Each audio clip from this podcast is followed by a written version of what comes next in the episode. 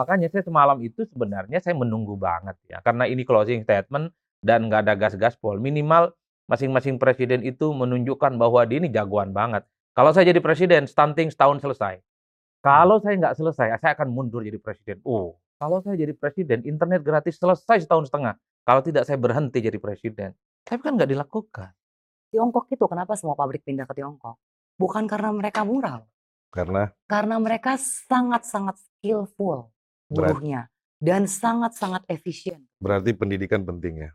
Pendidikan penting, tapi sebelum kita ke pendidikan, Jadi gini, kita gizinya dulu. Iya. Bagaimana mereka mau belajar ketika mereka lapar? sekarang yang mendapatkan manfaat soal hilirisasi siapa? Oke, jadi pertanyaan saya gini, Iya. Pak Ganjar setuju hilirisasi apa enggak? Karena dalam setiap forum selalu berubah. Sebentar bilangnya mendukung, Bukan, bentar nggak bukan. mendukung. Kita- Nggak, saya pengen tahu dulu. Ba- Ini enggak, dijawab dulu dengan Mbak Ceril. Karena selalu berubah-ubah. Enggak. Kalau nomor satu jelas perubahan, nomor dua saya mau keberlanjutan, pertanyaan saya nomor dulu yang di tiga berubah-ubah. Pertanyaan saya enggak gini. Jadi kita Pak Ganjar mau melanjutkan standing- hilirisasi apa tidak?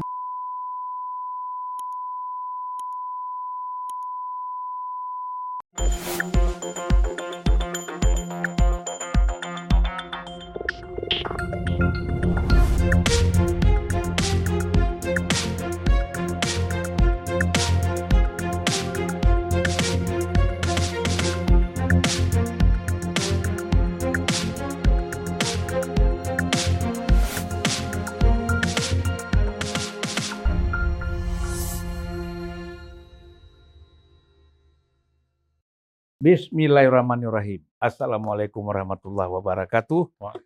Salam sejahtera buat kita semua. Salam. Nah, ini paling penting, salam. Kalau enggak di apa namanya panggilan di PSI itu sis. Ya. Sis Seril tidak mantap kalau nggak ada kata salam, apalagi Bung Roni. ya kan? Kan bineka tunggal ika, Bang. Ya, salam buat semuanya, seluruh para penonton Unpacking Indonesia. Hari ini kita bersama tiga orang tokoh politik, yaitu Sis Cheryl Tanzil, ya, dari Partai Solidaritas Indonesia, juga merupakan caleg dari PSI, Dapil DKI 3. DKI 3. Jakarta Barat, Jakarta Utara, Pulau Seribu. Kepulauan Seribu. penting. Udah berapa kali ke Pulau Seribu? Eh, terakhir itu saya ke sana baru bulan lalu. Oh, ajak-ajak Iya. dong kalau kita ke sana. kita Bagus, bertiga bagus. juga kepengen bagus. tuh ke sana. Nah, yang di sebelah sis steril ini Bung Roni Talepasi, Talapesi. Talavesi. Kita tidak usah perkenalkan lagi ketika Caleg, kasus caleg DPR RI. DPR RI Dapil DKI 2 DKI 2 Jakarta Selatan, Jakarta Pusat, luar negeri. dari PD Perjuangan nomor 5. Ya, Partai Harus lengkap. PDI Perjuangan nomor 5 ya Nomor 5, Bang. dan jangan lupa coblos. Jangan lupa Nah, coblos. ini semuanya kalau bisa dicoblos semua nih dua-dua caleg kita. Nanti kita titip aja grafiknya tolong. ya. Dan pokoknya kita mengharapkan karena saya secara pribadi tahu track record dari kedua orang ini, saya kira kita kecewa kalau mereka nggak masuk ke parlemen, Terima Terima kasih, Bang. Insya Allah. ya kan? Dengan semua kerja keras dan pertolongan Tuhan yang Maha Kuasa bisa lolos. Ya. Yang sebelah lagi ini Mas Tadi Pray. Capek saya memperkenalkan dia ini. Saya kira bagi para penonton podcast dan YouTube televisi ya, tidak ada hari tanpa Adi. Saya ini satu kabinet sama dia. Sudah tiga kali satu kabinet di kabinet bayangan. Saya nggak tahu minggu depan ini nanti lusa ini dia jadi menteri agama atau jadi apa lagi nih. Saya bosan jadi kepala bin terus. Baiklah, eh, sebenarnya situasi politik kita ini kan sekarang sudah adem ayem, sudah Ya. tenang. Kita lihat kita senang sekali ya dengan tadi malam kita menonton eh, putaran terakhir debat capres begitu tenang ya semua tiga paslon ini boleh kita katakan eh, cukup santai ya. Ya ada sentilan-sentilan dikit biasa yang disentil juga tenang aja tidak tidak tersinggung ya. Dan eh, closing dari Pak Prabowo juga kemarin minta maaf kepada seluruh paslon seluruh siapa sajalah yang mungkin tersinggung dengan apa yang dia ucapkan dia sudah minta maaf. Dan ini saya kira bagus sekali. Ini klimaks atau anti klimaks Pak Adi ya saya ke Pak Adi dulu. Jadi kita lihat eh, apa eh, debat kemarin itu keli- sudah klimak atau anti klimak? Ah, biasa aja sih sebenarnya bang. Saya Ya. justru melihat ini mirip-mirip Majlis Talim aja. Oh gitu. Ah. Ya, kalau nggak mau disebut Majlis Talim, ini mirip kerja kelompok antar paslon. Oh gitu. Karena satu sama yang lain saling menyetujui berbagai informasi dan isu yang disampaikan ya Iya, sebagai iya. bagian dari penajaman visi misi soal pendidikan, tentang kesehatan, tentang kebudayaan. Ketiga paslon ini nggak ada satupun yang berbeda secara diametral. Iya. Tapi itu bukan anti klimaks bagi saya. Mm-mm. Justru saya melihat ini bagian dari strategi politik. Anies itu sangat kelihatan dia menahan supaya tidak agresif menyerang Prabowo Subianto. Hmm. Padahal Anies itu sudah mau gaspol sejak statement awal. Ya. Musuh utama kita adalah tentang ketidakadilan, kaya Hmm. dan miskin, Mm-mm. desa dan kota. Wih, saya menduga Anies ini akan gaspol dalam sesi-sesi selanjutnya.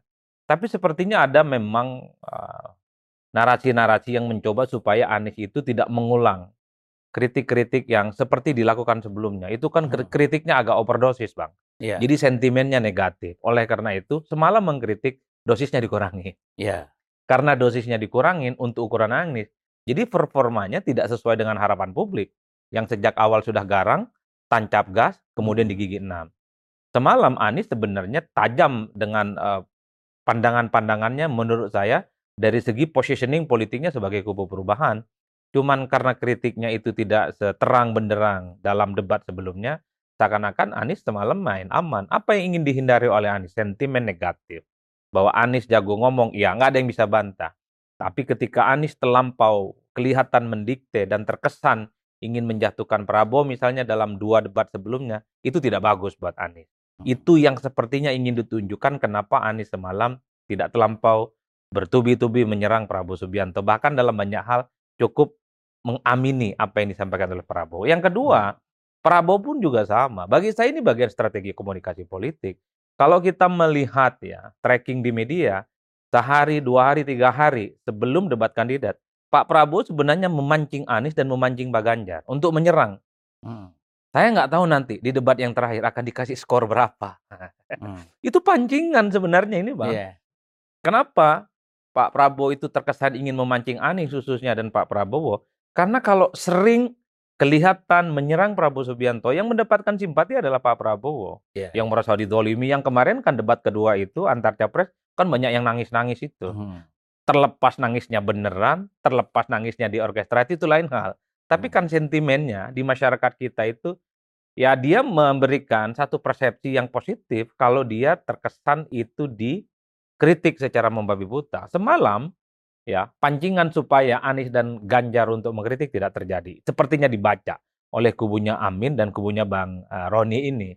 Oleh karena itu, saya melihat memang tampilan Pak Prabowo yang semalam kalem, kelihatan ingin seperti negarawan, juga bagian dari komunikasi politik. Saya melihat semalam ini bukan Prabowo dalam sekali dua kali debat sebelumnya.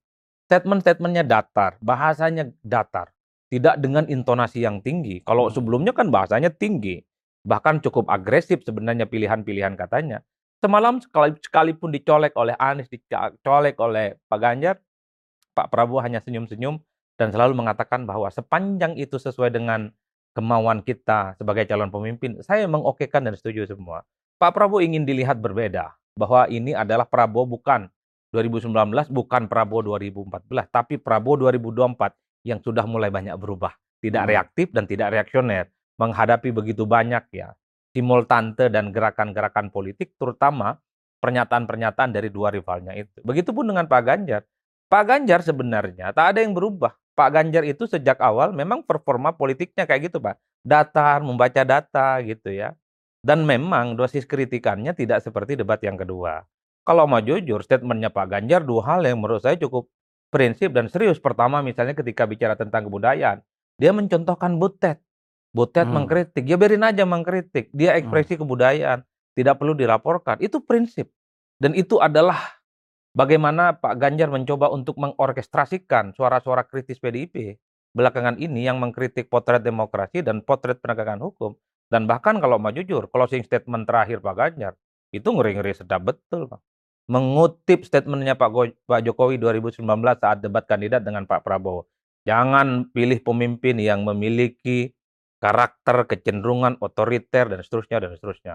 Oh itu menurut saya luar biasa dan itu prinsip. Bukan tidak nyerang-nyerang, tapi nuansa serangannya tidak terasa. Jadi kalau orang mencubit, tak terasa cubitannya, Bang. Hmm. Itu yang saya tangkap, makanya wah ini seperti kerja kelompok nih, baik-baik kan. Tapi ingat, ini bukan klimak, ini strategi aja nih Hmm. untuk bercocok tanam mendapatkan faedah elektoral. Udah itu aja, Bang. Iya. Jadi membaca debat semalam bagi saya bukan polos-polos dalam rangka ini sudah rekonsiliasi secara politik. Oh, nggak ada cerita. Ini bagian dari upaya untuk mendapatkan simpati dari rakyat aja, terutama swing voters yang saya kira memang iman politiknya masih goyang-goyang. Jadi debat semalam karena saling menunjukkan paling dewasa secara politik, ingin menunjukkan bahwa dialah paling negarawan, bahwa dialah saling merangkul, itulah adalah bagian dari bagaimana mengorkestrasikan pemilih-pemilih yang sebenarnya sudah menentukan pilihan politiknya tapi belum mantap sepenuh. Di situlah posisinya secara komunikasi politik. Oke, Mbak Cyril. Kalau saya lihat ya, dengan statement Pak Prabowo kemarin dalam closing statement, itu nampaknya para pendukung Prabowo Gibran ini happy, Ya. Sangat. ya happy gitu loh. Saya ketemu beberapa orang, wah, dan WA-WA yang berkembang itu eh, cukup eh, Positif semua lah ya, ya, positif. menggembirakan. Ya. Nah ini bagaimana selanjutnya ini? Kan karena begini, eh, pasti ada namanya politik yang kan kayak seperti tadi kan, ini nggak bakal berhenti kan? Pasti ada terus yang namanya kita lihat kemarin memang agak eh, sejuk, agak damai ya, majelis taklim kata Mas Adi.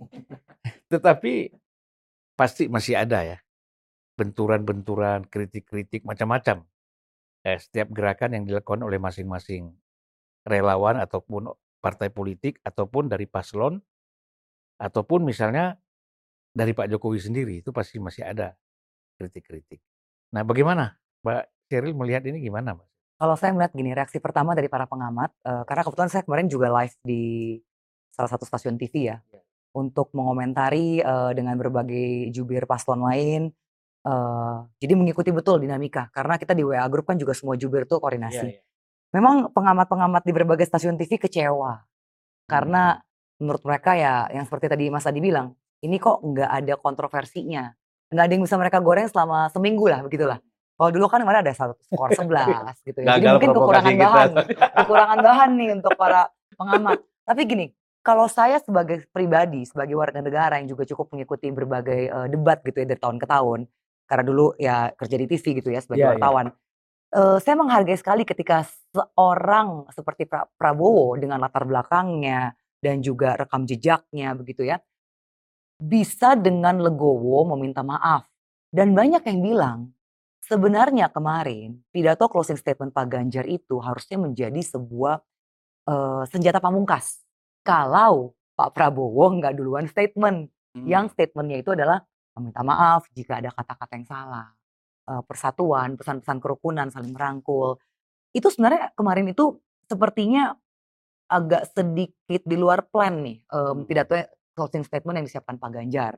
Karena yang harusnya jadi klimaks ternyata menjadi anti klimaks karena lebih dulu Pak Prabowo sudah meminta maaf. Begitu. Sedangkan kan sudah disiapkan ya. Tapi intinya kalau dari kami, kami sebagai jubir merasa udah nggak perlu lagi ada yang kita perdebatkan untuk kita kritisi, eh, kita hajar-hajaran ya. Karena dari paslon kami aja udah jelas posisinya yaitu apa? Debat sudah selesai, sekarang perjuangan kita adalah TPS, bagaimana kita menjaga konstituen supaya lebih paham lagi visi misi. Dan dari berbagai survei di belahan dunia, berbagai belahan negara gitu ya. eh, di Amerika misalnya, Amerika Amerika itu kan raja broadcast. Dan juga dia mungkin demokrasinya ya yang salah satu yang paling lama juga ya. Jadi yang namanya budaya debat itu live debat itu udah mereka lebih dulu lah. Survei-survei televisi di sana menunjukkan bahwa debat itu tidak banyak menggeser pemilih, peta pemilih. Dan kalau kemarin kan di Indonesia beberapa lembaga survei bilangnya ya paling yang diperebutkan itu swing voters Iya, 5-6 yang persen. nggak terlalu besar lah 5-6 persen. Itu pun belum tentu semuanya nonton debat. Karena kalau kita uji orang-orang biasa yang bukan pengamat, bukan akademisi, bukan aktivis, bukan wartawan, jarang sekali yang bisa mengikuti debat dari awal sampai akhir. Itu terlalu eh, isu-isunya terlalu elit, terlalu susah dicerna oleh masyarakat awam meskipun yang lulusan luar negeri sekalipun. Misalnya saya menguji ke para orang tua murid di sekolah anak saya misalnya, saya tanyakan kepada ibu-ibu di kantin, atau ya tetangga-tetangga, nggak banyak yang mengikuti full. Hmm. Jadi sebenarnya ini seperti kita menonton pertandingan sepak bola. Misalnya MU versus siapa misalnya? Arsenal. Ya Arsenal. Ya kan bukan berarti kalau MU-nya menang atau Arsenalnya menang lalu pendukungnya jadi switch gitu kan. Karena Hmm. orang itu sudah tahu siapa yang mereka pilih. Dan kemarin itu kami melihat, eh, kami menghargai betul ya ketika Pak Anies eh, dikatakan oleh Pak Adi, kelihatan dia memang membaca lawan dan berubah strategi ya, tidak tidak terlalu terpancing begitu. Dan Pak Prabowo juga kami kemarin lihat itu sangat fit dibandingkan debat pertama dan kedua. Beliau terlihat memang secara fisik itu letih karena kan Hmm. banyak sekali area di Indonesia yang harus dihampiri Iya. begitu ya, belusukan, belum bertemu relawan, simpul banyak sekali. Em, kemarin tuh kelihatan Pak Prabowo itu sangat fit, segar bugar. Jadi karena fit mungkin dia juga lebih rileks dalam Hmm. menghadapi serangan lawan pun ya biasa aja, semuanya dia jawab aja sesuai substansi. Dan sepertinya Pak Ganjar yang mencoba untuk sentil-sentil nggak berhasil dan ternyata Pak Anies juga dengan pandainya tidak tidak terlalu mau me, apa ya merespon eh, sundulan bola dari Pak Ganjar. Kalau kemarin Hmm. kan misalnya mereka tektokan untuk nyerang Sundul-sundulan ya. untuk menyerang Pak Prabowo aja kan gitu loh. Oper-oper Jadi memang pendek, dari awal pemilu selalu kan kubu 02 yang diserang oleh kubu 01 dan 03 ya. Hmm. Istilahnya ya mereka dengan berirama begitu hanya menyerang paslon nomor 2. Tapi kemarin saya lihat ini Pak Anies eh, sangat cerdas, tidak terlalu termakan oleh pancingan Pak Ganjar dan karena Pak Hmm. Ganjar akhirnya nggak dapet respon ya jadi ber- berjuang sendiri juga akhirnya ya jadi yang tadi Pak Adi bilang jadi malah anti klimaks gitu loh closing statementnya. Hmm. Tapi saya rasa ya kita harus eh, bisa juga memulai lembaran baru dalam politik Indonesia bahwa bisa kok politik itu ketika saling bernamai tidak dibilang bahwa ini akhirnya ujung-ujungnya mau kerjasama untuk Hmm. kepentingan politik ke depan supaya semua bagi-bagi kue. Saya nggak setuju kalau gitu. Karena banyak kok negara yang menunjukkan bahwa ketika demokrasinya berjalan nggak harus teman-teman gitu loh. Kenapa sih kita mesti kayak gitu? Bukankah kita negara kaya yang punya potensi untuk menjadi lima besar ekonomi dunia kalau Hmm. elit-elitnya bisa bersatu? Saya percaya di kubu 02, eh, maaf saya percaya di kubu 01 dan 03 banyak sekali pakar-pakar, pemikir-pemikir yang punya kontribusi yang sangat dibutuhkan oleh negara. Untuk apa sih kita harus teman-teman? Selesai pemilu ya, mari kerjasama lagi. Orang-orang bagus dari Tapi pemikir-pemikir kan dari kerjasama Mhm. tidak mesti tidak harus juga masuk dalam kabinet. nggak harus mengkritik pun boleh. Karena gini, ingat ya, pemerintah itu tetap butuh kritik, tapi Hmm. kritiknya kan dalam koridor ya. Ya. Dan saya rasa kemarin kalau dikatakan budayawan diserang gitu ya, kita kan tahu undang-undang ITE itu Hmm. harus orang yang jadi dijadikan objek dalam eh, penghinaan atau apa pun itu yang melaporkan kepada polisi. Jadi nggak bisa misalnya saya kelompok pencinta Pak Jokowi atau saya kelompok pencinta Pak Prabowo lalu melaporkan ke polisi kan nggak bisa. Dan apakah mungkin sudah terbukti kok berkali-kali presiden misalnya dihina tidak pernah satu kali pun Pak Jokowi atau Pak Prabowo eh, melaporkan begitu loh. Kemarin yang laporkan Butet siapa? Gak ada kan? Dari Relawan. Projo. Relawan. Tapi kalau saya saya Relawan. melihat bahwa saya ini ya klarifikasi ada ada kasus juga yang terkait eh, laporan eh, penghinaan terhadap Pak Jokowi itu jalan sebenarnya. Padahal Iya. yang bersangkutan tidak melaporkan secara langsung. Hmm. Misalnya Jadi- yang mana bang? Itu ada kejadiannya di Jawa Tengah. Pasalnya ITE. Iya pasal ITE. Jadi begini yang mau kita kritisi adalah begini.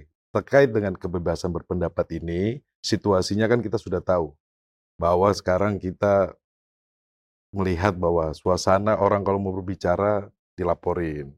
Termasuk saya sih bang dilaporin sama Gini Denny Siregar oleh kubu abang. Saya Iya. dipotong video saya, saya dilaporkan, eh, disebarkan ke wartawan-wartawan untuk berkumpul. Sama, jadi saya bilang Enggak, Ya sama aja, kubu sini juga kan. gini, iya makanya kita kan dalam hal ini kan kalau mau bicara kedewasaan berdemokrasi tentunya kan yang yang mau kita sampaikan adalah ide dan gagasan. Ayo, dalam debat ini kan ayo kita bicara soal ide dan gagasan. Tapi kalau di saat debat kemudian tidak tersampaikan ide gagasan, contohnya kita menanyakan bagaimana bisa menjelaskan tentang makan siang gratis dan minum susu ya. Ini kan lucu kan dengan anggaran 400 triliun padahal di kita tahu saat ini kita hanya untuk penyediaan eh, bahan untuk susu itu hanya 20%. Hmm. Artinya apa, Bang? Artinya apa? Ini kita kan harus import.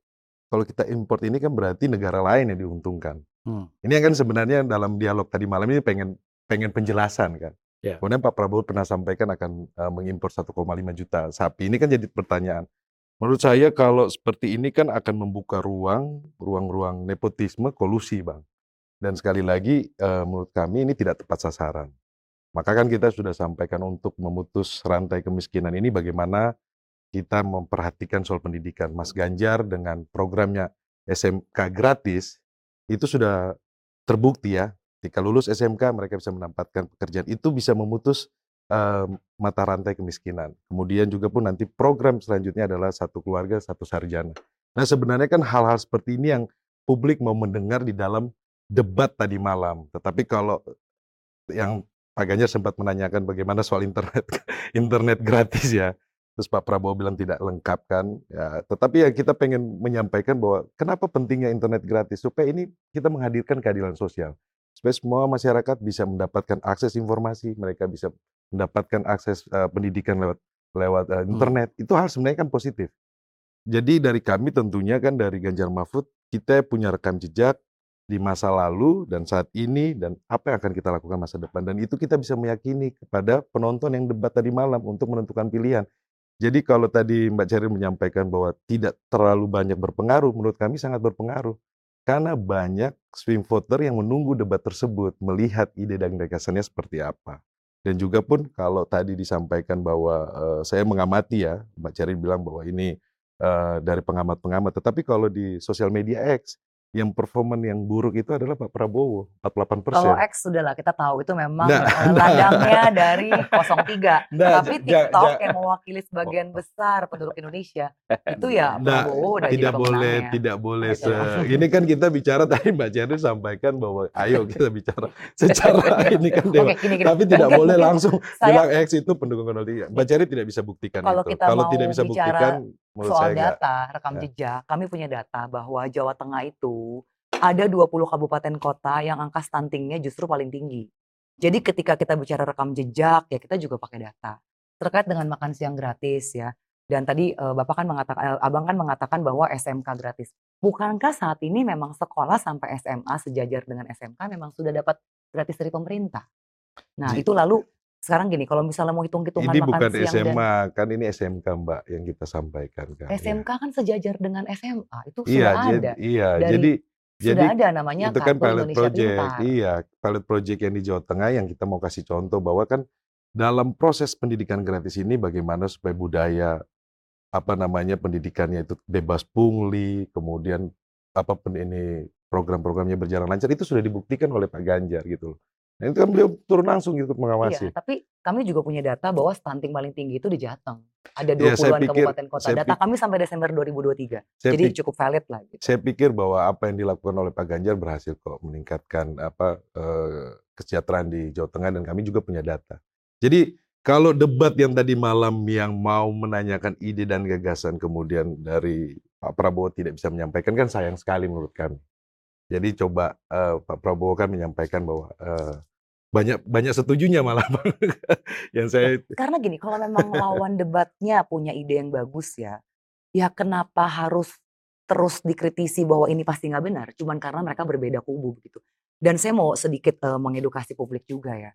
Ketika kita punya program makan siang dan susu gratis itu bukannya kita impor susu loh. Yeah. apakah publik tahu bahwa misalnya saya sebut merek ya maaf sekali ya Greenfield dan Ultra Jaya itu adalah salah satu dari sekian banyak produsen susu di Indonesia itu semua localized.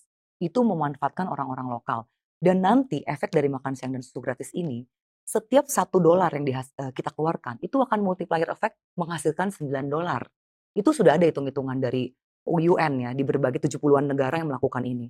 Kami juga akan tentunya akan membina peternak-peternak lokal, bagaimana supaya mereka bisa menjadi penyedia dari sekolah-sekolah lokal. Kita akan ajarkan bagaimana membuat uh, peternakan sapi perah yang sesuai dengan standar iya. internasional, juga membudayakan ibu-ibu supaya bisa membuat dapur-dapur untuk makan siang gratis. Jadi ini program betul-betul sangat-sangat pro perempuan dan ya, anak. Menurut saya ini populasi populasi buta ya karena ini kepentingan pemilu ya karena mempraktekkan itu menurut saya ya perlu perlu benar-benar pastinya perlu effort dan terbukti dan, sudah 70-an negara yang melakukan dan, ini dan, dan berhasil. itu uh, kita tidak mau kita menjadi negara yang hanya jadi negara konsumen. Gitu, Kalau saya lihat begini ya, memang debat-debat ini eh, target utamanya adalah untuk meningkatkan elektabilitas kan itu, untuk menarik para pemilih simpati kepada paslon. Itu itu yang kita lihat kan, sehingga eh, program-programnya cenderung dihilir, kemudian praktis itu pasti. Kalau enggak, eh, orang kan nggak mau bicara terlalu konseptualisasi ya. Kita bahkan sudah memikirkan hulunya, Bang. Ya makanya kalau saya lihat begini, eh, sebenarnya kan, ah, ini kalau kita kaji ya, banyak negara yang melakukan merombak eh, tingkat kehidupan dari kemiskinan menjadi sejahtera. Artinya sejahtera di sini eh, mereka mampu hidup secara layak. Itu selalu kan eh, ada ada perubahan-perubahan eh, signifikan terhadap problem ekonomi makronya gitu loh. Kita kan ini ini kan tidak pernah dibahas nih Iya. soal ekonomi makronya. Selalu kita masuk ke mikro kan. Saya ambil contoh nih Bangladesh misalnya ya. Bangladesh itu kan miskinnya luar biasa, parah sekali, termiskin di dunia ini Bangladesh. Dihantam Pakistan, dihantam India, macam-macam ya. Nah, tetapi kan dia berhasil merubah dari kapitalisme menjadi negara sosialis. Gitu. Nah, sehingga pelan-pelan dia membangun. Tetapi sayangnya dia berhenti di sosialisme itu. Gitulah. Harusnya dia bisa bisa melakukan perbaikan-perbaikan seperti apa yang dilakukan oleh Cina dan Vietnam misalnya. Akhirnya dia terpuruk lagi, Iya. gitu loh. Jadi bolak-balik, bolak-balik ganti presiden, bagus, hancur lagi, bagus, hancur lagi. Tapi sekarang saya lihat dia menjadi no- negara nomor dua eksportir garment di dunia ini. Iya. Itu luar biasa ya. Sementara kita kan garment-garment kita ini mati. Betul. Coba lihat Majalaya semua di mana-mana itu garment kita habis. Iya, karena Teks- semuanya kirim dari luar. Tekstil kita mati karena kita merasa tidak bisa bersaing dengan Cina misalnya. Yang begitu murah, barang bekas masuk segala macam. Nah, oleh karena itu, nah mak- maksud saya begitu bahwa eh, yang saya maksud hulu itu adalah dalam konseptualisasi sistem ekonomi yang kita bangun itu kita mau ngarah ke mana? Nah, ini ini yang yang memang Bang ini, Sulfan, ini jadi- tidak mungkin. Bang jadi- Sulfan, Bang Sulfan tahu tidak apa yang membuat industri kita ini kalah di Asia Tenggara dan Hmm. sumber daya manusia. Ya. Sumber daya manusianya. Tiongkok itu kenapa semua pabrik pindah ke Tiongkok? Bukan karena mereka murah, loh. Karena karena mereka sangat-sangat skillful Berat. buruhnya dan sangat-sangat efisien. berarti pendidikan penting ya. Pendidikan penting, tapi sebelum kita ke pendidikan, Jadi gini, kita gizinya dulu. Iya. Bagaimana mereka mau belajar ketika mereka lapar? Iya. Boleh dites di Iya. NTT, di banyak kota-kota kecil itu. Mindsetnya itu adalah nggak sarapan dan bahkan tidak makan membawa bekal. Jadi ketika kita mau mengusahakan makan siang gratis dan susu, ini bukan ujuk-ujuk dari langit dapat ide dan terbukti Pak Anies pun setuju ya pernah melakukan itu di DKI kan, eh, saya, mengikuti dari revolusi saya pikir- putih dan itu ada jejak digitalnya. Berarti Pak Anies pernah melakukan itu. Berarti ini Iya. program yang baik. Jadi sebenarnya Bang, kalau bicara soal eh, stunting ya, itu kan yang Abang tadi sampaikan dari hulu ya. Bagaimana proses eh, pernikahan dari pasangan muda itu dipersiapkan sehingga nanti dalam proses pelahirannya juga pun anaknya juga pun eh, lahir dengan baik ya. Tadi saya mau koreksi sedikit bahwa eh, stunting yang tertinggi di apa di Jawa Tengah ya, bahwa di programnya Pak Ganjar yang sudah lakukan yaitu program centing kentan, jateng gayeng nginceng mong mateng. Itu berhasil menunjukkan apa menurunkan angka stunting 2018 dari 2018 itu adalah 24 persen, kemudian di 2022 19 persen. Berarti apa Pak Ganjar berhasil. Saya mau cerita sedikit. Ah. Jadi ini saya, mau koreksi saya supaya kerjasama dengan Mbak Puan, Iya, ya kan? Dengan Mbak Puan Maharani. Iya. Itu mengatasi stunting di Jawa Barat. Iya. Jawa Barat. Jadi waktu itu eh, memang dianggap di Jawa ini yang paling tinggi tingkat stuntingnya itu Jawa Barat. Nah, dia respect, kemudian kerjasama dengan tim bikin tim relawan stunting, ya. Jadi kalau bicara stunting kita tahu betul problemnya. Iya. Ya. Sebenarnya biaya stunting itu juga tidak terlalu mahal lah. Iya. Ya kita waktu itu eh, menggunakan daun kelor dicampur susu, dicampur eh, apa kedelai. Nah, itu yang kita kasih ke ibu-ibu itu dan di setiap rumah mereka itu kita tanam 5 sampai 10 batang pohon kelor. Ya. Dan daun kelor ini diekspor loh. Kita nggak tahu kan? Kita pikir ini makanan ngusir setan ya. Padahal diekspor di luar negeri. Afrika untuk mengatasi stunting ya tentu ada susu ya. Iya. Nggak mungkin orang hanya Iya. makan daun Daun kelor. kelor. ada susunya, ada dikasih gula aren ya iya. supaya manis gitu. Nah itu kita lakukan selama hampir dua tahun di Jawa Barat. Ya kantornya masih ada sekarang di Saya sini. dari kecil nggak Hasilnya pernah bagaimana minum- Bang hasilnya? Hasilnya Secara indeks. Saya dari kecil nggak pernah makan susu dan eh, nggak pernah minum susu dan makan daging. Hidup saya sampai sekarang. ya, ya saya makan jagung, Mbak, sama Iya. sagu. Hmm. Asal bukan ini Kan nanam gini, singkong lain- bumbunya jagung. lain Hah? lain ladang, lain apa kata orang? Lain Lain ilalang. ladang, Lain- lain ilalang. Nah ini lah, Ya, Mas Adi ini nggak perlu lagi makan susu, udah tegap dia. sudah tegap. Mas Adi gimana nih? Tadi persoalan gini ya, program-program yang yang ditawarkan, Hmm. ya. Kita kan tadi bicara nuansa majelis taklimnya. Tapi kan dalam majelis taklim ini ada pembicaraan. Ya kan? Iya. Ada program yang ditawarkan. Betul betul. Nah, artinya gini, kalau saya tangkap dari Pak Prabowo, program konkretnya itu. Tetapi kan di dalam sek, dalam sisi pendidikan juga ada, Iya. ya. Misal persoalan internet gratis, gitu kan? Nah, Oh nggak Prabowo, Pak bukan Ganjar, internet Pak gratis, Ganjar. itu Pak Ganjar. internet gratis Ganjar. Ganjar. bukan, bukan. Kan ketika dipersoalkan oleh Pak Ganjar, Oh, Ya internet kan? apa susu? eh, dia bilang ini kan pilihan, bukan tidak penting yang namanya internet gratis itu, tetapi kita utamakan ini. Artinya kan ada juga rencana kan gitu. Iya. Nah kalau Pak Ganjar kan langsung menyebutkan dan pemerintah harus hadir Iya, dalam konteks ini. Sementara sebenarnya pemerintah sudah hadir. Iya. Nah, tapi Kita punya KTP Sakti, Bang. Nah. Tentunya kan kalau di KTP Sakti itu kan sudah sudah kita petakan kan supaya apa tepat sasaran, Bang. Hmm. Jadi dengan 21 program dengan anggaran yang ada eh 400 triliun kita punya 21 program unggulan di situ sudah bisa kita jabarkan ya. Kita mau tanya sama ini Mbak Cherry kalau dengan Iya, gimana, makan gimana? siang gratis dengan 400 triliun gimana anggarannya itu? Anggarannya dari mana? Itu udah Iya. saya jawab di mana-mana. Iya. Gini, hilirisasi nikel aja satu tahun itu mendatangkan 400 triliun devisa tambahan. Iya. Hmm. Itu baru hilirisasi nikel. Dan kita dalam program kan jelas. Ada hilirisasi mineral-mineral lain, hilirisasi juga di bidang kelautan, Iya. namanya eh, blue economy, juga akan hilirisasi di bidang pangan, lalu digital. Jadi kita percaya kalau kita bisa memperbesar sektor industri di Indonesia, kita akan mendapatkan nilai tambah yang bisa untuk membiayai program-program. Iya. Lalu saya mau koreksi juga ya tadi ya, saya nggak tahu data Mas dari mana, tapi Enggak, saya pegang data kita 2023 BKKBN kita men- Jateng mencatat 20 kabupaten kita kota di Jateng mengalami kenaikan Kita stunting. menurunkan. Jadi harus perbandingan dengan tahun sebelumnya dong. Jadi Ya, jangan kalau saya kalau- kan pegangnya data BKKBN iya, ya. kalau ini ini kan kita mengalami harus- kenaikan kita dibilang gitu. kita harus data itu bandingkan dengan tahun yang sebelumnya. Bicara soal hilirisasi, oke. Sekarang yang mendapatkan manfaat soal hilirisasi siapa? Oke, jadi pertanyaan saya gini, Iya. Pak Ganjar setuju hilirisasi apa enggak? Karena dalam setiap forum selalu berubah. Sebentar bilangnya mendukung, Bukan, bentar bukan. mendukung. Kita- saya pengen tahu dulu. Ini enggak, dijawab dulu dengan. Mbak Ceril, Karena selalu berubah-ubah. Kalau nomor satu jelas perubahan, nomor dua saya mau keberlanjutan, pertanyaan saya nomor dulu yang di tiga berubah-ubah. Pertanyaan Enggak, saya enggak gini. tahu. Jadi kita Pak Ganjar mau melanjutkan standing, apa tidak? standing position kita sudah jelas. Apa yang bagus akan kita teruskan, kita lengkapi. Berarti hilirisasi akan Apa yang dilanjutkan nggak? tidak baik tentunya kita akan perbaiki. Berarti hilirisasi akan Tapi kan kita akan nggak? lihat nanti ke depannya. Berarti Kalau nggak hilirisasi tak? kalau hilirisasi cuma hanya untuk manfaat sekelompok orang, ya kita akan lihat.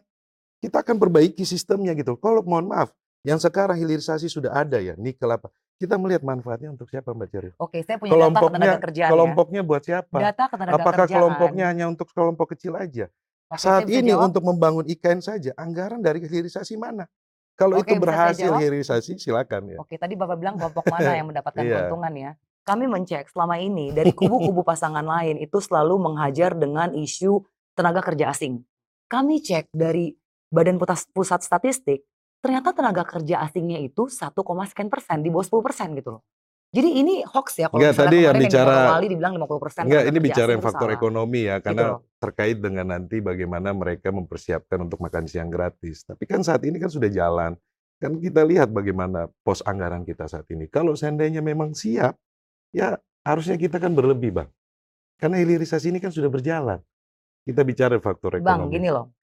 Terkait pos anggaran, ini adalah bagaimana pemerintah mengambil keberpihakan.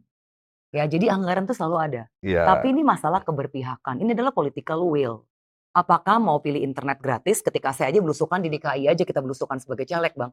Banyak yang nggak punya ponsel smartphone. Lagi mana internet gratis gitu loh. Oh, enggak. Ya, Banyak itu kok. iya banyak. tapi Ini, ini, buktinya ini, kalau ini. kita ke lapangan banyak sekali yang bahkan nggak bawa handphone. Masalahnya Jadi kalau sebelum kita mencerdaskan mereka, ya gizinya kita perhatikan dulu lah bang. Dari dalam perut kita persiapkan secara biologis supaya nanti ketika kita bisa kasih pendidikan gratis, guru-guru terbaik kita kasih, mereka bisa menyerap dengan baik gitu loh. Kita nggak bisa lah ngomong misalnya membandingkan dengan Mas Adi yang nggak nggak suka minum kalau kita Tapi kan hidup Mas Adi itu kan di kota, kita kan udah cukup layak gitu ya. Mungkin makannya tadi apa nggak suka makan nasi, tapi Enggak kalau jagung itu kan juga sehat. memang nggak jagung suka juga saya sama susu, Mbak. Nggak suka dari dulu.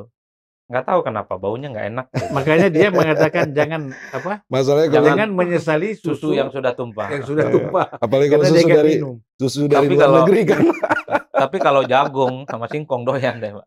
Doyan dari dulu dibanding. Ya, makanya food estate kan juga nanamnya jagung Nah, sama singkong. Nanti itu Iya. debatnya nih sama Bang Eh. Roni.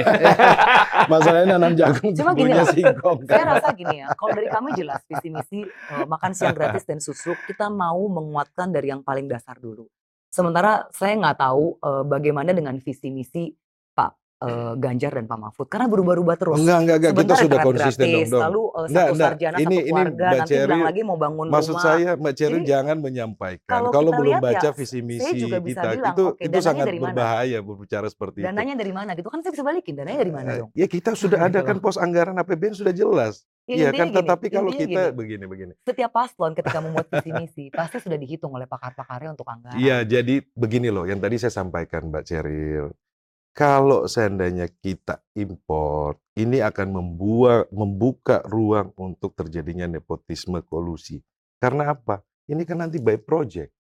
Terus teknisnya mau bagaimana mau ngasih makan orang Apakah di aspek kita ada 270 ditulis juta, bahwa kami akan mengimpor? 270 juta. Itu Nah, dapat info dari mana nih bukan, impor? karena Saya nggak saat tahu nih. ini hanya kes- kesediaannya cuma 20% Mbak Ceri.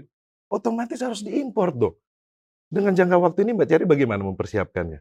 Gini loh, Pertanyaan saya, karena Gini loh, bahan ya. baku susu hanya 20% ada di Indonesia. Itu dari Ya, Dirjen ya kan Kementerian. begini, kalau tidak impor berarti kan memanfaatkan industri-industri susu dalam negeri yang sudah ada, Tidak Iya, yang tercukupi, lokal, yang Bang. lokal. yang lokal kan. Yang lokal. Ya, Makanya begitu. tidak tercukupi karena mau kasih makan kan banyak, Bang. sekarang belum tercukupi karena memang belum digarap dengan baik. Hmm. Karena belum ada political will dan memang belum menjadi prioritas. Jadi yang mengimpor itu adalah mereka industri susu ya.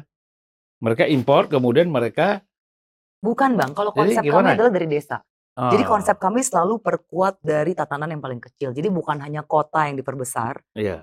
tapi desa. Jadi justru bumdesnya itu yang diperkuat. Akan ada kooperasi-kooperasi untuk peternak susu. Apalagi ada Budiman Sujatmiko di kubu kami kan. gitu ya. Kita tahu Bang Budiman ini betul-betul orang yang sangat peduli dengan desa. Jadi saya rasa ini mungkin belum tersampaikan secara clear bahwa Sayangnya nggak jadi menteri pedesaan ya. Harusnya dia. ya. ya itulah politik ya. ya tapi Iya. kan ide dan gagasan bisa dituangkan di mana aja Iya, kan. iya. Dikontribusi. Karena begini Bang, kalau saya melihat debat semalam ya, memang nggak klimaks dalam arti waktu yang nggak nggak tersedia cukup maksimal. Saya kan Hmm. dari awal selalu mengatakan kalau bisa debat itu waktunya jangan dibatasi 1 sampai 4 menit untuk ngomong satu topik. Mm-mm. Misalnya satu debat itu topiknya cuma dua, pendidikan dan kesehatan, dua jam. Udah, Iya. Itu aja yang dibahas. Baru kita Ya. mencapai apa yang betul. Iya. Bagaimana menjelaskan soal food estate, tentang susu, tentang internet gratis.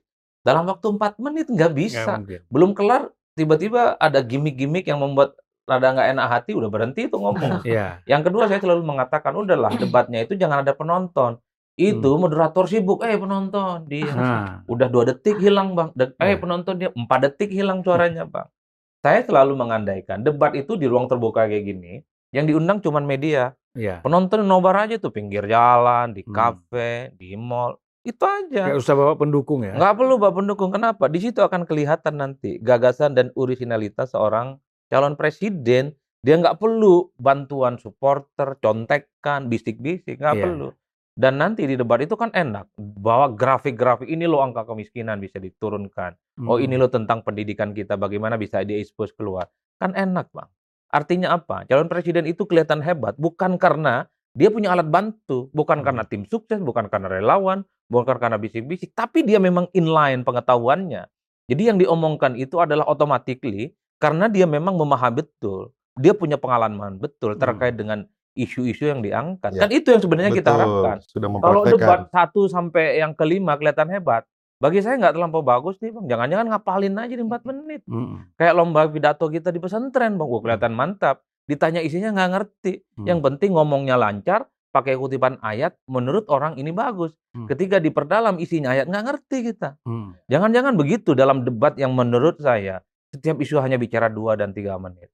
Makanya saya semalam itu sebenarnya saya menunggu banget ya, karena ini closing statement dan nggak ada gas-gaspol. Minimal masing-masing presiden itu menunjukkan bahwa dia ini jagoan banget. Kalau saya jadi presiden, stunting setahun selesai. Kalau saya nggak selesai, saya akan mundur jadi presiden. Oh, Itu yang kita Hmm. omongkan. Kalau tanpa itu, Mang, semua visi misi nggak akan tuntas.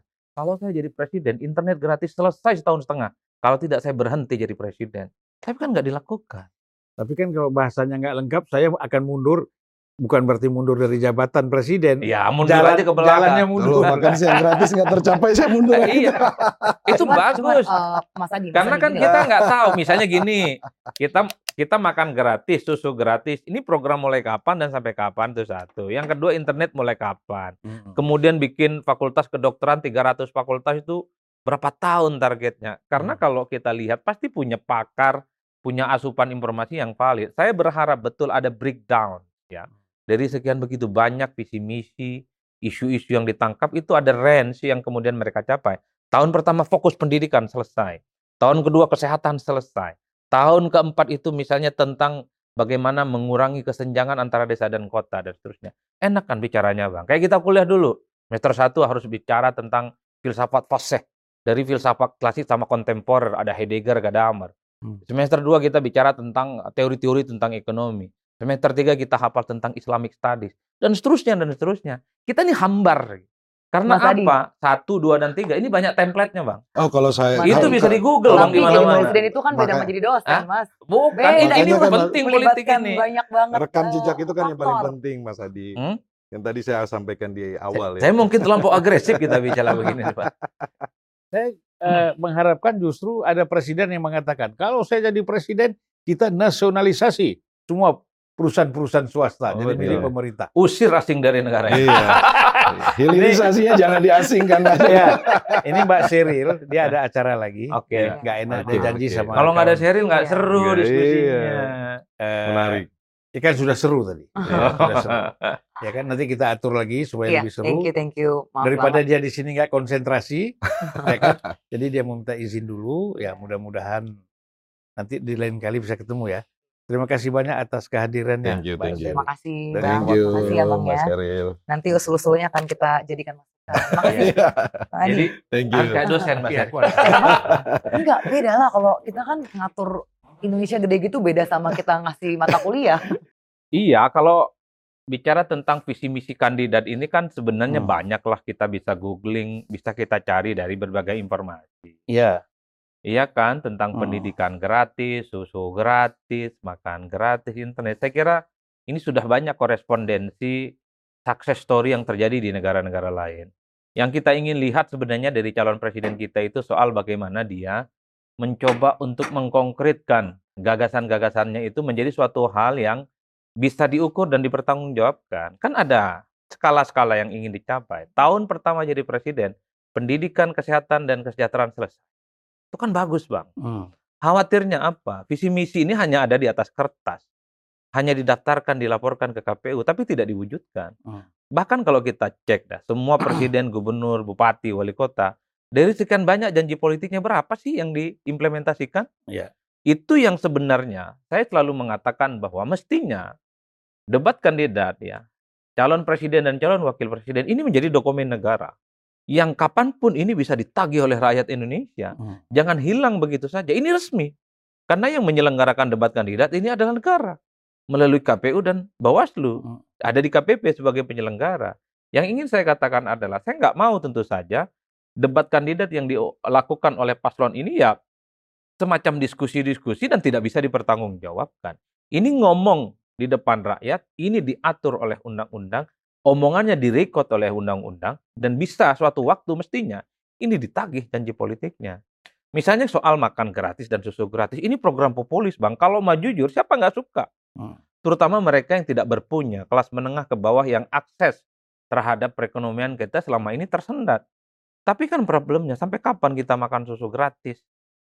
Atau minum susu gratis dan makan gratis, termasuk soal anggaran. Ini kapan akan dituntaskan soal problem yang utama di hulu, soal kemiskinan? Hmm.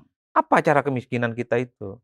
Saya terus terang bang, kalau pulang kampung ke Madura, mulai dari infrastruktur, tentang pertanian, kehidupan masyarakat, gitu-gitu aja kok. Iya. Presiden sudah ganti, gubernur sudah ganti, Bupati ganti. bupati sudah ganti, anggota dewan sudah ganti. Kalau dihitung janjinya itu bang, dari jembatan Suramadu sampai ujung Pulau Madura, ya sepanjang itu juga janji-janji para politisi itu. Iya. Tapi apa? Kesejahteraan nggak pernah hadir. Kenapa saya selalu ngomong tentang Madura itu perlu jadi provinsi? Nggak pernah diperhatikan, Bang. Iya. Sudah ganti gubernur? Sudah. Sudah ganti presiden? Sudah. Sudah ganti bupati? Sudah. Yang ingin saya katakan adalah, paling enak itu ngomong. Paling enak itu berjanji. Tapi paling susah untuk mewujudkan bagaimana janji-janjinya itu menjadi nyata. Ketika bicara tentang kesejahteraan, mengurangi angka kemiskinan pengangguran, tunjukkan ke saya berapa tahun akan dilakukan itu. Hmm. Nah, persoalan apa rumusnya itu urusan presiden dan para pembantunya. Kita hanya ingin tahu janji politiknya. Kalau saya jadi presiden, dua tahun kemiskinan turun 10 juta. Kalau saya jadi presiden, tahun kedua kesejahteraan bisa di, ditingkatkan, terutama mereka yang selama ini kesulitan untuk mengakses ekonomi dan seterusnya dan seterusnya. Itu menurut saya jauh lebih penting untuk menagih janji-janji politik mereka. Kalau kayak semalam atau debat-debat sebelumnya, kita bisa menjamin nggak kalau itu akan bisa diwujudkan? Nggak bisa, Bang. Nggak bisa diikat sebagai satu komitmen politik bahwa sang calon suatu waktu akan bisa mewujudkan itu ataupun tidak. Kan sering sudah janji-janji presiden ini kita dengar. Ya, mulai zaman SBY dan Pak Jokowi dan kita juga tahu apa yang dilakukan dan apa yang tidak dilakukan. Bahkan kalau mau jujur ya, di zamannya Pak Jokowi yang menonjol apa? Kalau nggak bantuan sosial infrastruktur, yang lain-lain nggak nggak kelihatan. Hmm. Padahal begitu banyak itu, Bang. janji-janji politiknya bahkan ratusan. Ada satu kelipingan buku ataupun kelipingan statement-statement Pak Jokowi yang di situ pengantarnya ada Pak Fadlizon, 101 apa 1001 janji Pak Jokowi. Hmm. Kalau dicek satu persatu ya saya kira memang begitu banyak juga janjinya yang tidak terpenuhi. Zaman SBY juga begitu. Yang ingin saya katakan adalah debat kandidat itu penting untuk menambah wawasan sekaligus untuk tahu apa sebenarnya gagasan besar dari calon presiden. Tapi bagi saya di atas segala-galanya, menagih janji mereka dalam rentang waktu lima tahun, itu apa skala prioritasnya. Karena jadi presiden tuh lima tahun, Bang. Syukur kalau terpilih kembali yang kedua kalinya. Tapi jangan minta tiga periode. Hmm. Harus ada skala-skala prioritas yang menurut saya yang begitu banyak harus di, di breakdown. Jadi menurut capres ini masalah keutama bangsa kita itu apa? Kalau memang kemiskinan dan kesejahteraan ya gempur di situ. Jangan Hmm. ngomong yang lain dulu. Duitnya pakai di situ. Anggarannya jangan 20%, jangan 30%. Kalau perlu 60% di situ, Bang. Pokoknya biar pendidikan maju, kesejahteraan maju, udahlah expose di situ tuh anggaran kita. Tadi malam ada yang bagus kan, baik dari saya lihat dari Ganjar ataupun Anies, itu kan yang mengatakan jangan menjadikan biaya pendidik, anggaran pendidikan itu sebagai beban, tetapi itu kan dianggap sebagai investasi, ya. Nah ini kan tinggal kita lihat lagi, kembali janji lagi kan? Nah, Iya. bagaimana mewujudkan itu? Bung Roni ini gimana? Artinya kan ada ada diskusi-diskusi di internal ya.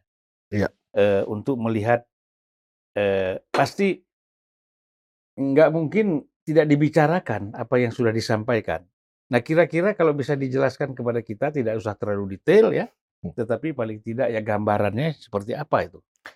Ya tentunya Bang, kalau dari kami kan dengan pasangan Ganjar Mahfud yang backgroundnya merupakan dari eh, background sarjana hukum ya. Hmm. Prioritas utama juga salah satunya kalau tadi Mas Adi menyampaikan mana skala prioritasnya. Pertama adalah kita bicara soal hukum. Karena ini hukum berkaitan dengan eh, aspek kehidupan yang lain. Bicara soal hukum, bagaimana kita menata kembali sistem hukum yang baik. Kalau sistem hukum yang baik, kemudian pengawasan yang ketat, kemudian ada eh, namanya kita dengan digitalisasi, tentunya eh, perilaku seseorang tentunya ketika mereka taat terhadap hukum maka eh, aspek kehidupan lain juga pun akan eh, mengikuti. Hmm. Contohnya bang, kalau seandainya seseorang dia taat terhadap hukum, Iya. maka eh, cenderung untuk dia tidak melakukan korupsi itu ada gitu loh. Hmm. Dia akan menghormati hukum, tentu dia tidak akan korupsi. Berarti nanti ke depannya ada program, contohnya program stunting, dia tidak program pencegahan stunting, dia tidak akan melakukan namanya korupsi mengambil eh, hak-hak orang kecil di situ. Hmm. Ada satu contoh kasus di Depok ketika ada program pencegahan stunting tapi yang dikasih susu dan kue yang menurut saya mohon maaf tidak layak. Itu ada Hmm. di jejak digitalnya ada dan kader PD Perjuangan yang pada saat itu yang eh, speak up bicara. Hmm. Nah juga pun kalau bicara eh, aspek hukum berjalan baik maka eh, bicara soal kesejahteraan, bicara soal kesehatan akan juga mengikuti ya bang. Dan otomatis kalau kita hukum ini benar-benar berjalan di rel, bahwa eh, kita sistem hukumnya sudah baik, maka akan timbul namanya budaya hukum orang taat terhadap hukum. Jadi orang tidak perlu dipaksa lagi untuk taat terhadap hukum karena ada sanksi, punishment atau eh, ancaman. Karena dia sudah sadar bahwa oke saya ini eh, harus taat terhadap hukum karena sudah menjadi budaya. Seperti Hmm. kalau di luar negeri bang orang bawa mobil speed controlnya jadi 30 dia jadi 30. Karena sudah secara otomatis. Dan yang tadi saya sampaikan bang bahwa di aspek kesehatan otomatis tidak ada namanya kita korupsi kesehatan. Di aspek pendidikan tidak ada lagi namanya kita mengkorupsi anggaran pendidikan. Nanti di situ tidak ada pungli. Karena apa? Kedua sektor ini sangat eh, penting saat ini yang kita lihat ya soal pendidikan dan kesehatan. Karena kalau seandainya pendidikannya anak-anak kita punya pendidikan yang baik, otomatis ketika mereka nanti tumbuh, mereka punya pendidikan yang baik, mereka bisa mengangkat derajat keluarganya gitu loh. Karena Hmm. mereka sudah kerja gitu loh. Jadi itu yang kita harus berikan. Dan ta- tapi yang paling penting ini kan aspek hukumnya dulu, fondasinya. Bagaimana negara yang maju, tetapi kalau hukumnya lemah, ini kan eh, menurut kami tidak akan eh, bisa berjalan dengan baik.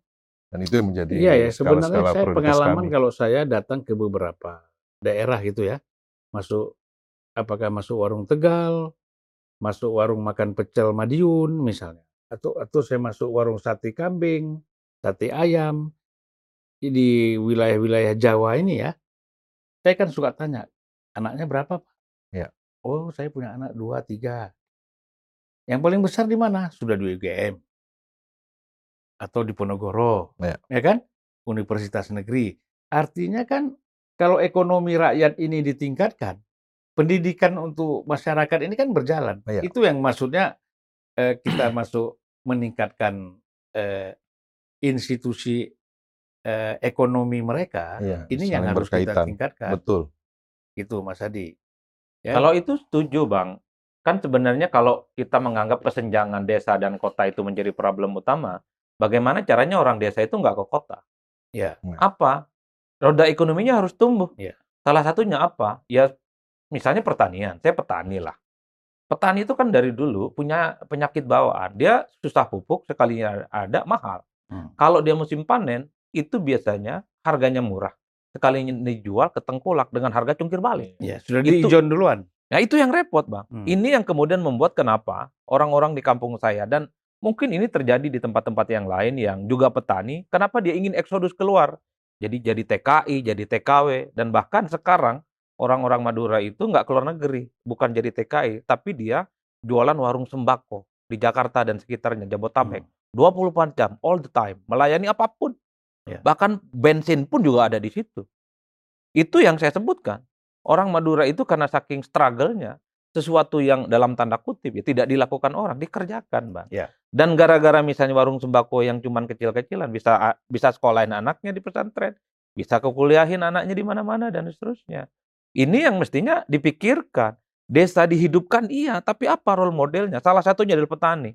Hmm. Petani itu pastikan hasil panennya ada yang ngebeli, Pak. Betul. Ya. Jangan dibeli oleh tengkulak yang harga congkir balik. Iya, maka nanti memang Mata rantainya di situ hukumnya sebenarnya. juga pun harus tegas, Iya. Bang. Iya.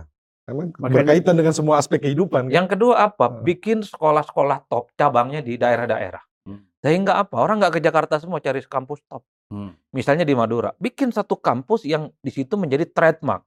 Jadi orang-orang Madura nggak perlu datang ke Jakarta, datang ke Bogor, datang ke Jogja, Surabaya ya. atau di Surabaya menjadi sentrum. Di Hmm. Indonesia bagian timur juga pikirkan bikin kampus yang saya kira cukup besar dan semua bukan hanya orang Indonesia Timur, orang Barat, orang Tengah juga mau. Iya, iya. Kan ada pepatah Cina yang mengatakan, gunung itu kan nggak perlu tinggi-tinggi amat. Yang penting ada dewanya. Kalau di Indonesia bagian timur ada kampus top satu aja, di situ yang ngajar-ngajar orang top, insentifnya top, saya kira kan banyak kok Ya. orang sekolah ke sana dan kalau sudah ada kampus top, pasti di situ menjadi pusat peradaban. Ekonomi akan denyut. Orang bikin kontrakan, tempat laundry, jual gorengan, bikin sablon. Hmm. Siklus ekosistemnya yang kayak gini nggak dibangun. Iya.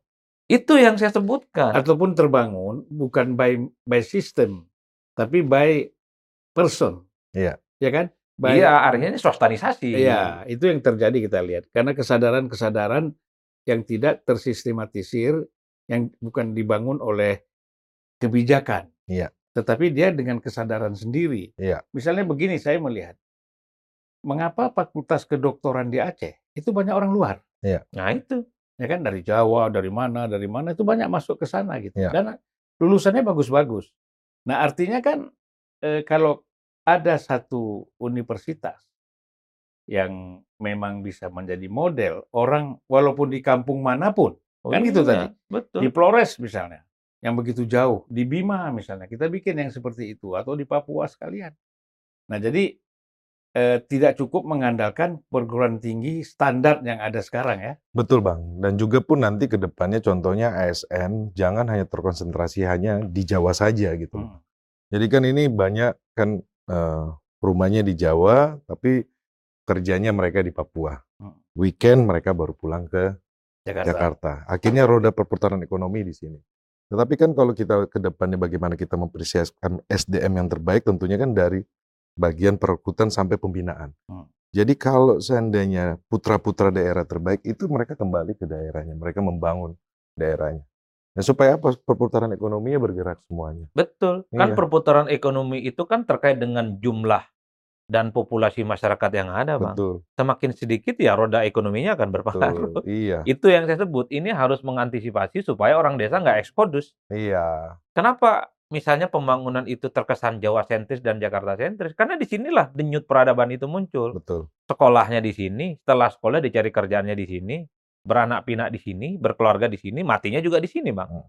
Kalau di daerah ditumbuhkan, yang saya sebut sebagai ekosistem dan stimulus daerah, ya saya kira memang mereka itu tidak akan ke mana-mana. Masyarakatnya banyak, tumbuh berkembang, apa namanya, populasinya bertambah, dan tidak ada kekurangan apa pun. Jadi kesenjangan-kesenjangan semacam ini yang menurut saya harus dipikirkan secara serius. Tapi itu tadi membangun eh, satu kesatuan pembangunan antara pemimpin satu dengan yang lainnya kan nggak sama, Bang. Kalau ganti rezim, ganti selera itu Bang repot, Pak. itu yang saya selalu mengatakan bahwa pendidikan itu investasi jangka panjang. Bikin kampus di daerah-daerah yang selama ini nggak dipikirkan.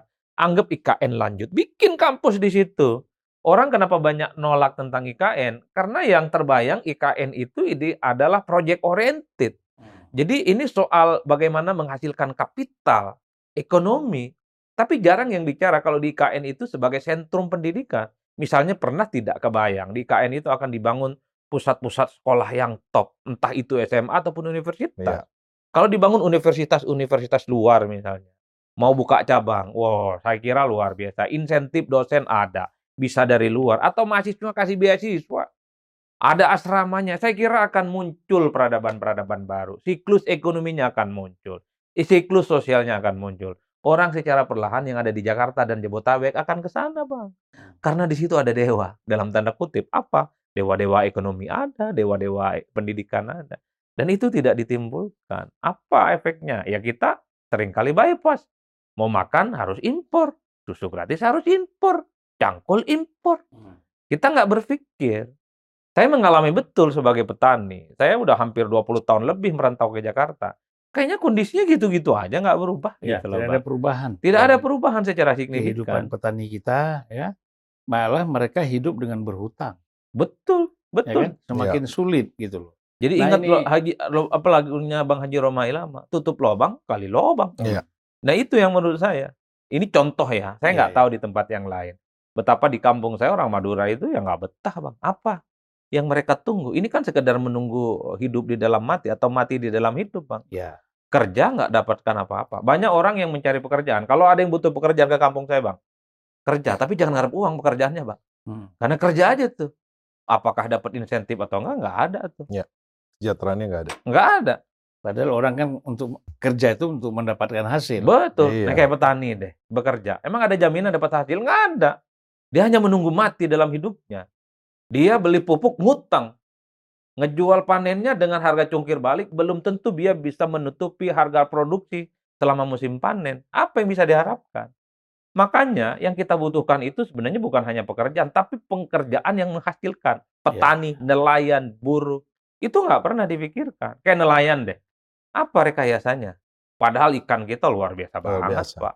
Kaya betul dibandingkan tetangga-tetangga Saya sebelah. kalau jauh. soal nelayan saya tahu problemnya apa, Adi, Mas Adi. Izin berlayar. Bukan, bukan. Problem nelayan kita, mereka bisa menangkap ikan setiap hari. Itu misalnya eh, 100 kilo. Hmm. Udah? Ya. Tetapi pesanan dari darat yang sudah eh, yang sudah mesen sama dia 30 kilo. 30 kilo. Hmm. Terus 70 kilo lagi ke mana? Akhirnya mereka buang. Kenapa tidak ada cold storage? Iya. Hmm. Kalau ada cold storage, 30 sudah diambil orang, yang 70 lagi bisa dimasukkan cold storage. Dan hampir banyak daerah kita tidak ada cold storage. Saya kalau berjalan dari Aceh ya, Iya. itu keliling Aceh, nggak tahu ya, ada satu aja cold storage sudah bagus. Bagus. Tapi Nah- beberapa proyek cold storage nggak jalan memang. Nggak jalan. Nggak jalan. Yang di Maluku Utara juga nggak jalan. Masa kita nggak bisa bikin pabrik es? Iya. Betul, betul. Bayangkan, betul. kadang-kadang si oke nggak ada cold storage, ya kan? Kan kalau ada pabrik es, rakyat itu bisa beli es, pemerintah harusnya bikin itu, ya kemudian dia bisa beli es, taruh di apa di baskom atau di apa namanya eh, ember plastik yang besar, ditutup pakai karung, ya kan padat, bisa juga itu Ya. untuk menggantikan cold storage walaupun tidak sempurna, tapi ikan tidak busuk. Ini kan tidak pernah diperhatikan. Jadi menurut saya memang pejabat kita terlalu banyak datang ke daerah-daerah, ke desa-desa, tapi nggak menyelesaikan masalah. Hmm. Karena apa? Mereka tidak bisa menyelesaikan sesuatu persoalan itu sampai detail. Ya. Yang penting masuk TV, ya kan? Di shoot sama orang, wah saya sudah bekerja, saya gunting, datang ke gunting, daerah, gunting pita. gunting pita. Belusukan. Nah, habis itu apa? Setelah dia pulang apa? Solusinya apa? Nah ini kan sebenarnya oke pemerintah pusat bisa melakukan itu datang, ya. Te- Kemudian kan ada gubernur, bupati, wali kota. Mereka harusnya memfollow up, bukan kebanyakan kena OTT. Betul. Itu problem kita. Makanya memang penting juga Bang penegakan hukum itu. Ya. Ada kesadaran hukum dan budaya hukum yang baik. Makanya kalau kita mau iris satu persatu kayak program dana desa, menurut saya bagus ya. Kalau itu dijalankan dengan bagus, sesuai dengan tupoksinya, sesuai dengan kegunaannya. Saya kira orang di desa itu nggak mungkin ke kota ngapain. Iya ngapain? Di desa sudah makmur Pak, itu kan peruntukannya untuk infrastruktur ya. Betul. Minimal buat irigasi, dia bikin embung, atau apa pun kebutuhan-kebutuhan desa. Tapi kan dalam prakteknya kita tahu. Dana desa itu mengalir sampai jauh, entah ke mana dan tidak bisa dipertanggungjawabkan. Iya. Kasusnya sudah banyak. Oleh karena itu memang kompleks ya, ketika persoalan-persoalan desa juga dipikirkan sebenarnya oleh pemerintah, tapi kan tidak semua orang punya political will. Iya. Di jalan-jalan di desa kita tahu bang, rusak-rusak. Iya. Irigasi-irigasi di desa rusak-rusak. Mana ada embung, nggak ada di situ. Hmm. Padahal itu peruntukannya adalah supaya desa itu berdenyut, membangun kota dari Ya. Masalahnya apa? Banyak orang desa masih mau ke kota itu aja persisnya. Ya, Ya, karena, karena- penghasilan nasibnya nggak jelas. ada. Betul Bang, karena dana desa dikucurkan, kemudian eh, teman-teman yang pengelolaannya tidak efektif, tidak efisien, tapi ketika berhadapan dengan proses hukum, ya kadang-kadang juga mereka kong kali kong. Makanya Iya. depannya itu kita mau ini Iya. hukum itu benar-benar benar gitu. Saya membayangkan orang Hmm. desa ke kota itu jalan-jalan, Bang. Iya. Lewat Monas, lihat Ancol, lihat Ragunan. Mm-mm. Ya itu bukan mau mencari penghidupan gitu Iya. loh, Pak. Nah, Dan- orang kayak saya ini kalau memang di kampung ada sesuatu yang diharapkan untuk masa depan, kita ngapain kita, Bang? Mm-mm. Ke Jakarta udah capek-capek, macet, Iya. nggak keru-keruan, udaranya polusi. Sama ini Bang, ada dana desa turun, tapi ujung-ujungnya diperas juga kan.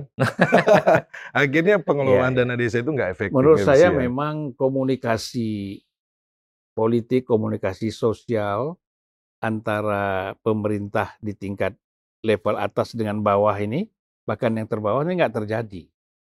Ya kan? Yang terjadi kan hanya laporan-laporan lip service.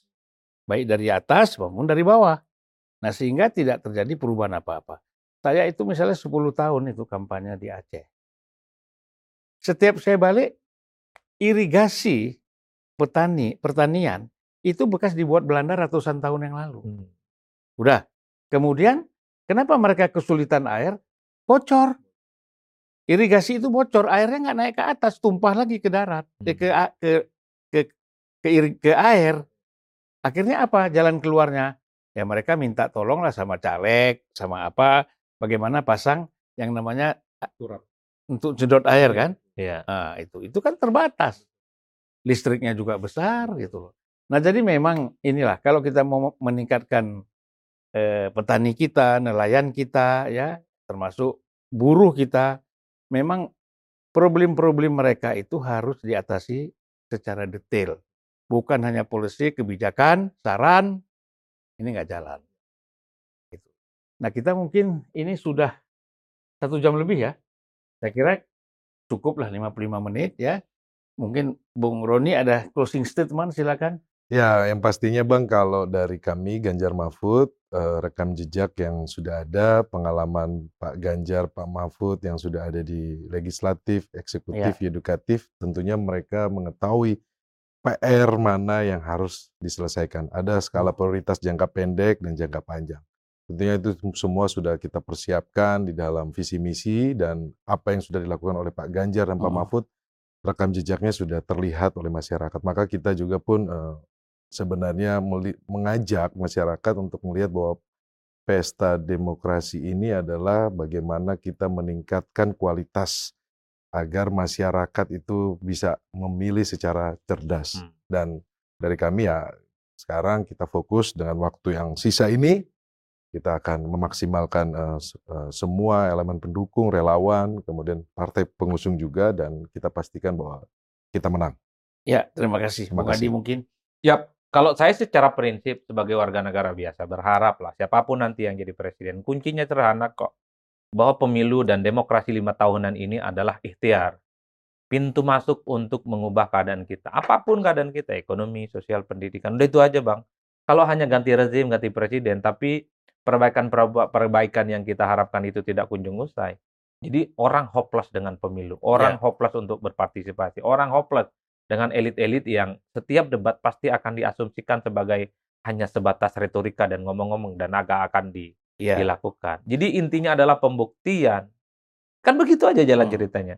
Secara umum visi misi nomor satu, nomor dua, dan tiga nggak ada yang buruk. Semuanya bagus. Iya. Ujiannya adalah berapa persen kira-kira dari janji-janji politiknya yang diserahkan ke KPU yang sering diumumkan kepada rakyat itu bisa akan diwujudkan. Nah itu aja. Nah, Iya. itu sekarang yang kan- penting sebenarnya. Sekarang ini kan dunia podcast sudah berkembang. Nah itu yang Iya. penting tuh. Ya. Tagih aja Dan- nanti lewat podcast bang. Ya. Ada di unpacking. Dan, dan tugas kita nanti bukan hanya mengundang, Iya. tetapi kita melakukan studi. Kan nanti Hmm. ada program jangka pendek, menengah, dan panjang. Iya. Nah, Nah, kita lihat nanti pendeknya dalam setahun itu atau berapa bulan apa yang jalan. Iya. Nah, kita undang lagi Bung Roni sebagai anggota DPR, insya Allah Siap. Adi, Amin. ya kan? Amin. sebagai dekan FISIP eh, UIN nanti. Waduh. kita Kejauhan bang. ya enggak lah, kadang-kadang kan ini kan Gibran aja bisa. Oh. Masa, masa ya kan wakil Iya. presiden. Bang, nanti setelah pilpres unpackingnya berubah. Unpacking mengawal janji pemerintah. Setelah itu unpackingnya berubah lagi bang. Menagih janji pemerintah. Iya. Ya, menagih. Ah, menagih bukan hanya mengawal. Menagih tidak dijawab, menjungkir balikkan pemerintah. Jadi omongan-omongan di mana pun debat kandidat tampilin nanti kita komentarin bang. Ini janjinya nih gitu loh. Eh, Hah? Sekarang enak. Kenapa? Ya ada gitu kan. Kita Iya. tampilkan, dikomentari ya kan. Nah, ini Iya. rakyat tahu kan. Betul bang. Nah, Kalau nggak nggak ada yang nonton, kita tonton sendiri bang. nah, pasti banyak yang nonton. Kalau nggak ada yang like, kita Kalau like Bung sendiri. Roni, Bang. Mas Hadi ini tidak pernah di bawah 100. Oh, Oh, iya. Terus naik kan. Selalu naik. Semakin lama semakin banyak yang nonton. Terima kasih. Pengacara Baradae, Oh, pengacara iya. baik. Pembela Iya. wong cilik, Bang. Ya udah, di unpacking yang start pertama aja Baradai seribu yang. Oh, Eh, seribu sejuta. Sejuta. Iya. Makanya pengacara baik. Ya, insya Allah dia terpilih. Kita doakan. Amin, amin, Bang. Terima Penting kasih. sekali ada orang-orang seperti Bung Roni dan Ya, banyak lagi ya kawan-kawan yang memang idealis. Iya. Ya kan? Yang penting eh, Konsisten. mendapat mendapat rezekinya itu wajar. Iya. Ya kan? Itu idealis tidak identik dengan harus miskin. Iya. Ya kan? Idealis itu proporsional. Iya. Ya kan? Kita mendapatkan sesuatu dengan kerja keras Iya. sebagai anggota DPR, bukan mendapatkan dari suap dan lain-lain kan Iya. gitu. Nah. Baik, terima kasih. Luar biasa. Luar Sampai jumpa biasa, lagi. senior. top. Assalamualaikum warahmatullahi wabarakatuh. Salam sejahtera buat kita semua.